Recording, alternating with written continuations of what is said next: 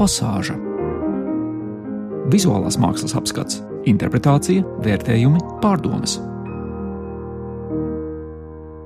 Sveicināti! Skan raidījums pasāža. Tas ir raidījums par mākslu. Studijā esmu Ieva Leismēra. Vienai manai kursabiedrinei kaut kad bija oranžs divritenis ar lielu melnu uzrakstu Escape. To riteni vēlāk, protams, nozaga, bet uzraksts paspēja mūs iepriecināt ļoti, un vispār izmukšanas, aizmukšanas koncepts likās un liekas svarīgs visu laiku. Dārgie klausītāji, nu pat par bēgšanu bēgļiem, trimdu, mājām un visādiem tādiem jēdzieniem, konceptiem un nošķīrumiem ir vērts padomāt kādā lieliskā izstādē Nacionālā mākslas muzeja pazemes zālē. Tur laikmatīgās mākslas centrs sarīkojas apjomīgu izstādi pārnēsājamās ainavas. Un, nu, ja jūs vispār mēdzat kaut ko dzīvē plānot, tad ieplānojiet lūdzu šai izstādē daudz laika. Bet, nu, kurators raksta. Viens no iemesliem, kāpēc atskatīties trimdes vēsturē, ir mēģinājums saprast un analizēt šī brīža situāciju. Un izrādās tiešām māksla ir labs veids, kā saprast un analizēt. Izstāde tātad mierīgi stāsta, ka migrācija dažādu sabiedrisku un privātu iemeslu dēļ ir bijusi vienmēr, ka nav ko populistiski bļaustīties, kurināt nacionālu patriotisku sentimentu un vispār dzīt stresu, bet labāk paņemt rokās acis un kādu jēdzīgu grāmatu. Pārnēsājumās ainavas vienlaikus ir izstāde par Baltijas trimdes mākslu Gotlandē, Ņujorkā, Parīzē un Berlīnē, un vienlaikus tā ir laikmatīgās mākslas izstāde, kurā mūsdienu mākslinieki uz dažādiem pārvietošanās aspektiem paraugās ar brīnišķīgu mākslas darbu palīdzību. Tā, bet uh, anotācija sākas ar kādu Gunara Saliņa dzējoli par Manhetenas apmežošanas plānu, bet tālāk gan pacitēšu.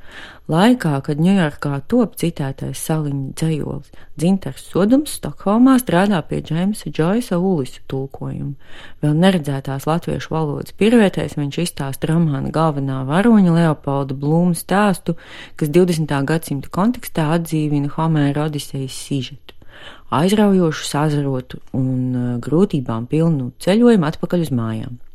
Lai nodrošinātu soduma tulkojumu izdošanu, latviešu jaunieši ASV ierosina savākt nepieciešamo naudu, iepriekš pasūtot grāmatu. Glaznotājs Sigurds Vīdzirkste, lai arī taupa naudu ceļojumam uz Spāniju, vien samaksā par desmit grāmatas eksemplāriem. Neilgi pirms tam, 1954. gadā, Zviedrijā dzīvojošās mākslinieces Marijas Induses mucinieces darbi tiek izstādīti Parīzē, Akadēmijas galerijā, kura kopā ar tās dibinātāju Raimondu Dunkanu vada latviešu dejotāja, tekstilmākslinieca un publiciste Aija Bertrāne.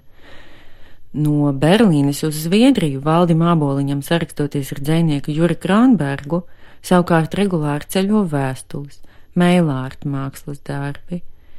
Latviešu ceļa emigrācijā un trimdā vērpjas savelks kopā un attirst, zīmējot trimdas ainu gandrīz kā ulisa samazglotā ceļojuma audumu. Tā tas bija ieskats anotācijā, bet jūs tā tad ejiet un skatieties, bet es izstāstīšu vienu apsvērumu un dalīšos iespaidos par pāris eh, brīnišķīgajiem darbiem. Tas eh, apsvērums ir saistīts ar valodu, kā mājām. Nu, skaidrs, nav nekas oriģināls, bet eh, uznira manā prātā tieši šai izstādē, nevis kaut kā citādi. Tāpēc likās svarīgi to pieminēt, bet par darbiem Sergejs Timofējevs un Ilva Kļaviņa izveidojuši darbu no Linārda Tauna dzējoļa parāde manuskripta mašīna rakstā.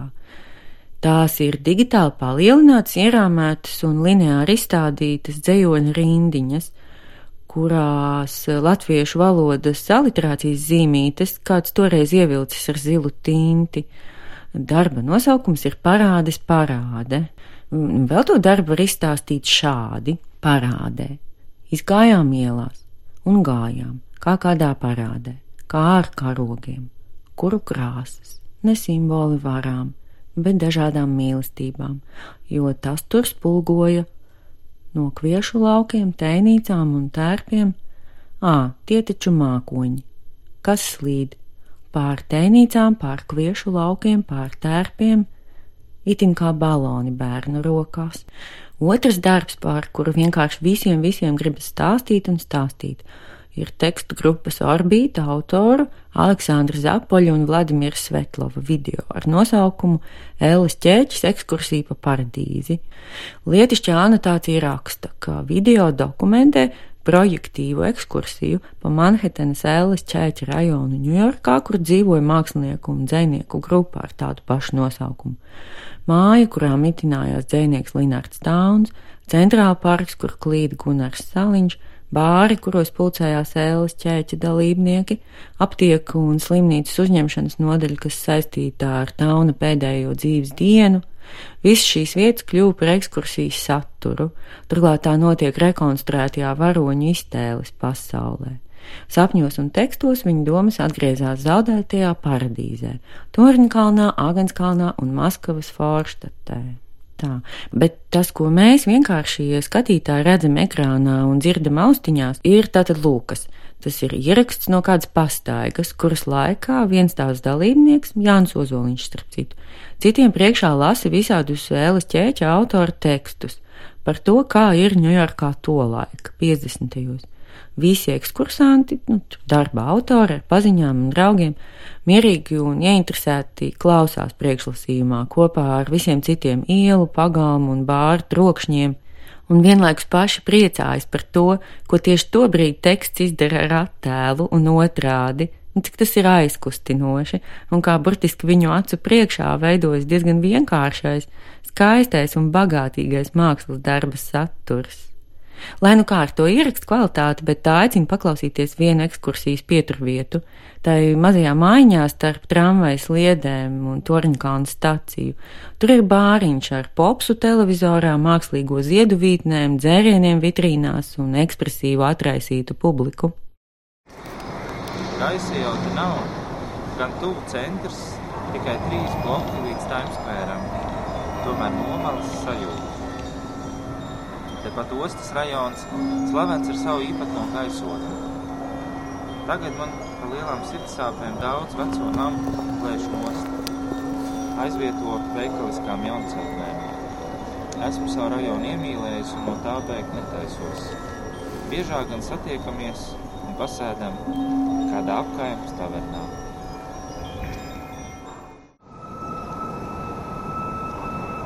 Tāms stāstīja, Tagadējā apgrozības vieta ir lidotāju trovis. Lūk, tepat. Tas atrodas pretī gaisa satiksmes stacijai un oficiāli saucas Air Terminal Bar.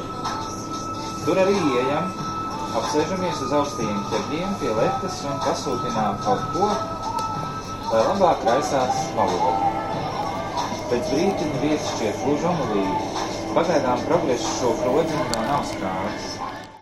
Tas bija fragments no Aleksandra Zapoļa un Vladimira Svetlova video Elis ķēķis ekskursija pa paradīzi, kas ir joprojām apskatāms Nacionālajā mākslas muzejā pagraba zālē, kur Latvijas laikmatīgās mākslas centrs ir sarīkojis trimdas mākslai veltītu izstādi pārnēsājumās ainavas. Visu izstādi izstāstīt nevajag un nevar jāredz pašiem. Vēl lielisks darbs tur ir Andrējam Straukinam, vēl tur ir vairākas saistošas intervijas. Man favorīta bija intervija ar mākslas zinātnieci Ināriņa Fēdovu, kurai bija interesants apsvērums par to, ka visveiksmīgākie mākslā ir bijuši tie, kas nošķīrušies no nacionālajām diasporām un integrējušies tai mākslā un izglītībā un cilvēkos, kur nu nonākuši, vai nu pēc kāda no kariem, vai agrāk, vai vēlāk. Un vēl izstādē ir dažas lieliskas gleznas, Sigurdam Vīdzirkstam un Larim Strunkem, piemēram.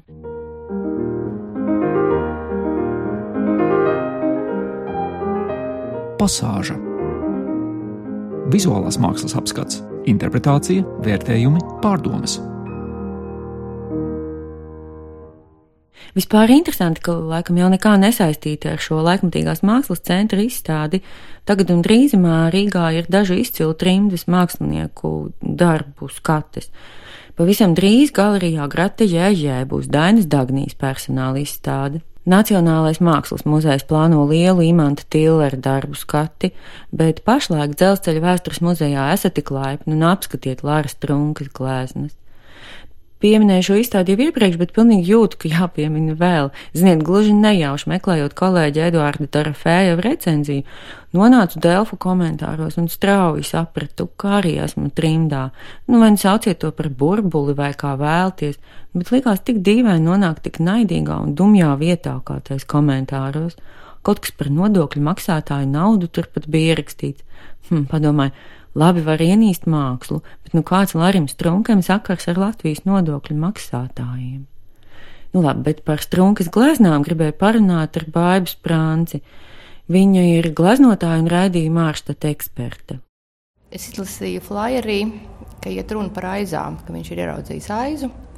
Un tas patiesībā palīdz tās gleznas tā kā varbūt labāk saprast. Mm, jo man liekas, ka, teiksim, zinot, ka tā ir aiza, Eh, es tur redzu zemes tektoniku eh, un to, ka zemeslode ir dzīva.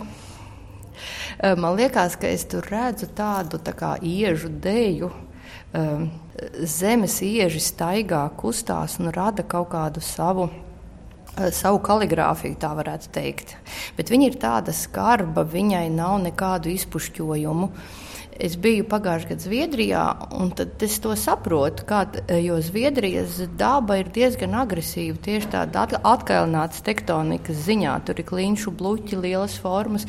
Ja, piemēram, Latvijā ir uh, visas uh, toņi, tonalitātes un 155 spēlēkā nianses, tad un tur ir zem sūnām. Dziļi. No ar sūnām, ar mīglu, nu labi Tas tā, bet eh, ja, ja šeit ir tās nianses, ir agresīvas, tad tur ir agresīva tektonika. Līdz ar to um, es saprotu, kāpēc Lāris Strunke ir tāds, kāds viņš ir. Un es viņam ticu. Man liekas, ka viņš ir tik ļoti tieši. Diemžēl nezinu, kāda ir tā glezniecības aina Zviedrijā.